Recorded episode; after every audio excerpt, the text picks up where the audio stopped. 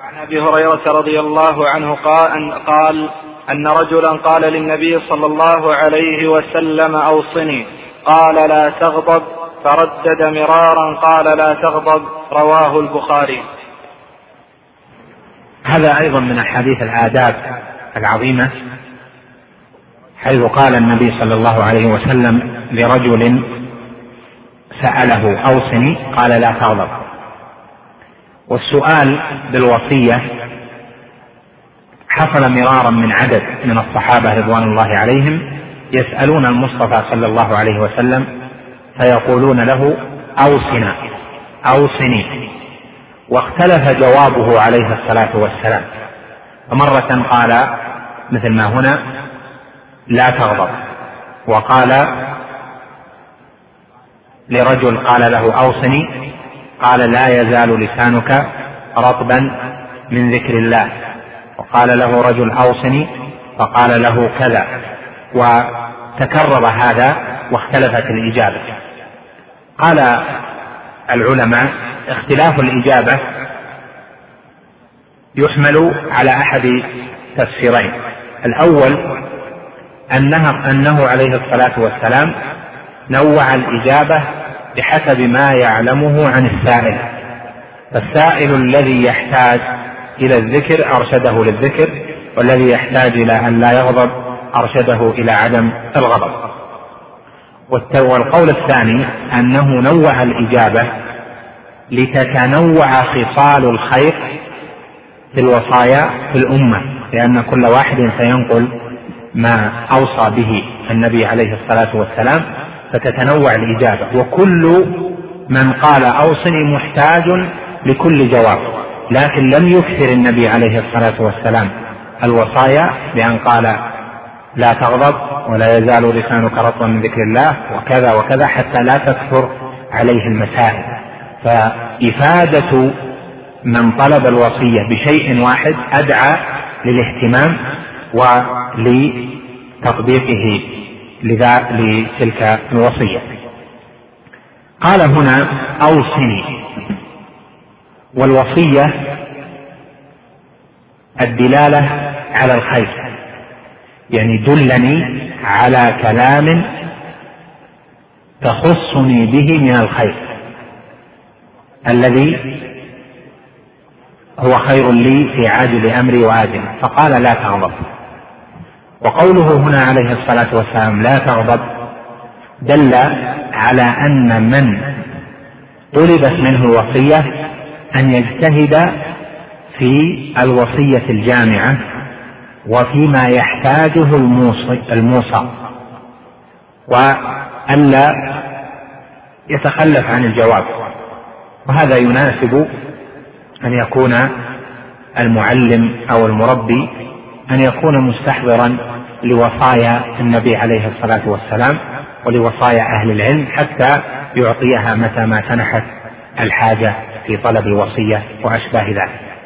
وقوله عليه الصلاة والسلام لا تغضب هذا أيضا له مرتبتان.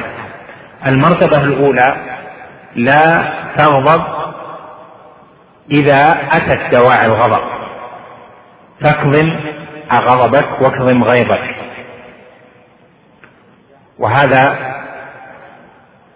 جاءت فيه آيات ومنها قول الله جل وعلا والكاظمين الغيظ والعافين عن الناس وكظم الغيظ من صفات عباد الله المؤمنين المحسنين الذين يكظمون الغضب عند فورته.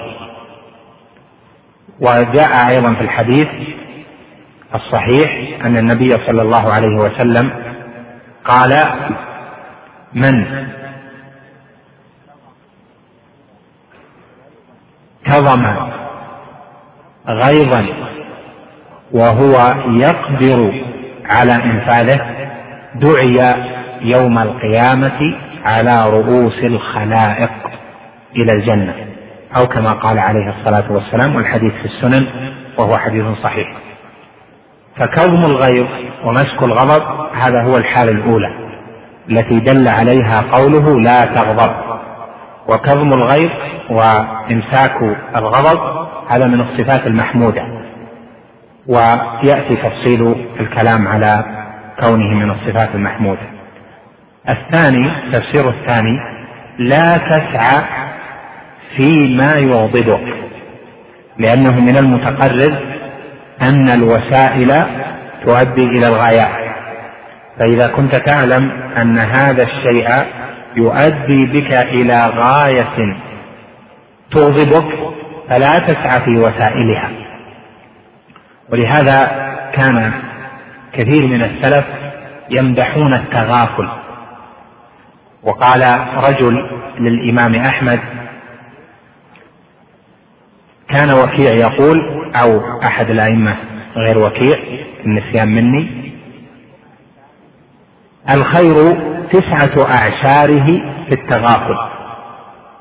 وقال الإمام أحمد قصر الخير كله في التغافل.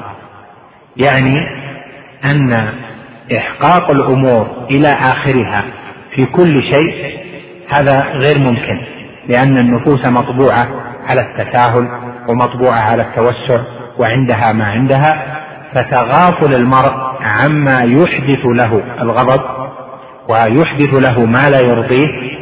تغافله عن ذلك من أبواب الخير العظيمة بل قال الخير كله في التغافل التغافل عن الاساءه التغافل عن الكلام فيما لا يحمد التغافل أيضا عن بعض التصرفات لعدم متابعتها ولحوقها إلى آخرها إلى آخر ذلك. فالتغافل أمر محمود. وهذا مبني أيضا على النهي عن التحسس والتجسس. قوله أيضا هنا لا تغضب بمعنى لا تأخذ في وسائل الغضب في أنواعها فكل وسيلة من الوسائل التي تؤدي إلى الغضب فمنهي عن اتباعها. فإذا رأيت الشيء وأنت تعلم من نفسك أنه يؤدي بك إلى الغضب فالحديث دل على أن تنتهي عنه من أوله. ولا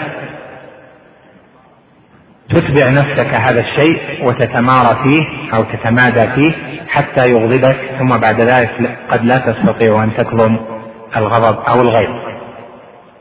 إذا تقرر هذا وأن الحديث له معنيان وأن النهي عن الغضب يشمل النهي عن إنفاذ الغضب بكتمان الغضب ويشمل أيضا النهي عن غشيان وسائل الغضب.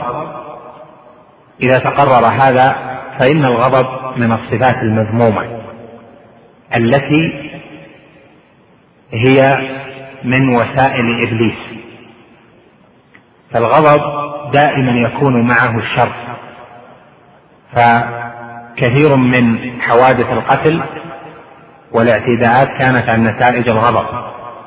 كثير من الكلام السيء الذي ربما لو أراد الإنسان أن يرجع فيه لرجع لكنه أنفذه من جراء الغضب. كثير من العلاقات السيئة بين الرجل وبين أهله وحوادث الطلاق وأشباه ذلك كان منشأها الغضب. وكثير من قطع صلة الرحم وتقطيع الأواصر التي أمر الله جل وعلا بوصلها كان سبب القطيعة الغضب ومجاراة الكلام وتبادل الكلام والغضب إلى أن يخرجه عما يعقل ثم بعد ذلك لا تساعة إصلاح. وهكذا في أشياء كثيرة. فالغضب مذموم وهو من الشيطان ومن وسائل الشيطان لإحداث الفرقة بين المؤمنين وإشاعة الفحشاء والمحرمات فيما بينهم.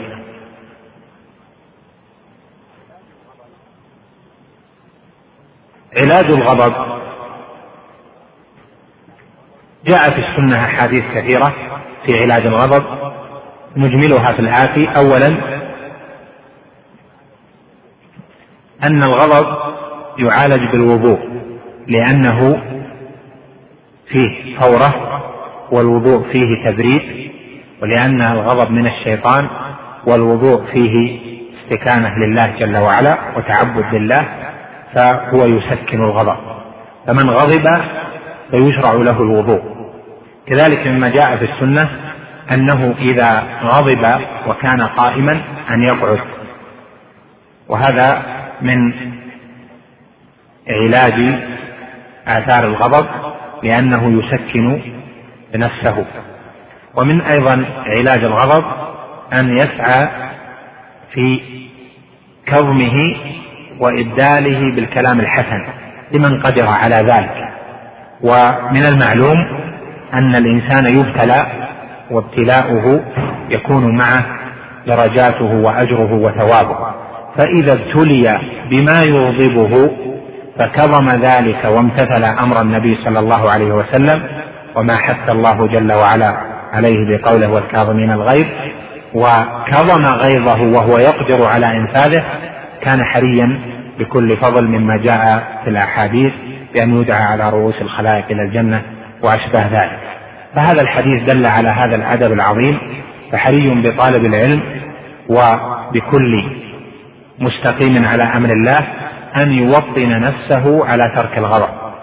وترك الغضب لا بد له من صفة تحمل عليه والصفة التي تحمل عليه الحلم والأناة ومن اتصف بالحلم والأناة كان حكيما.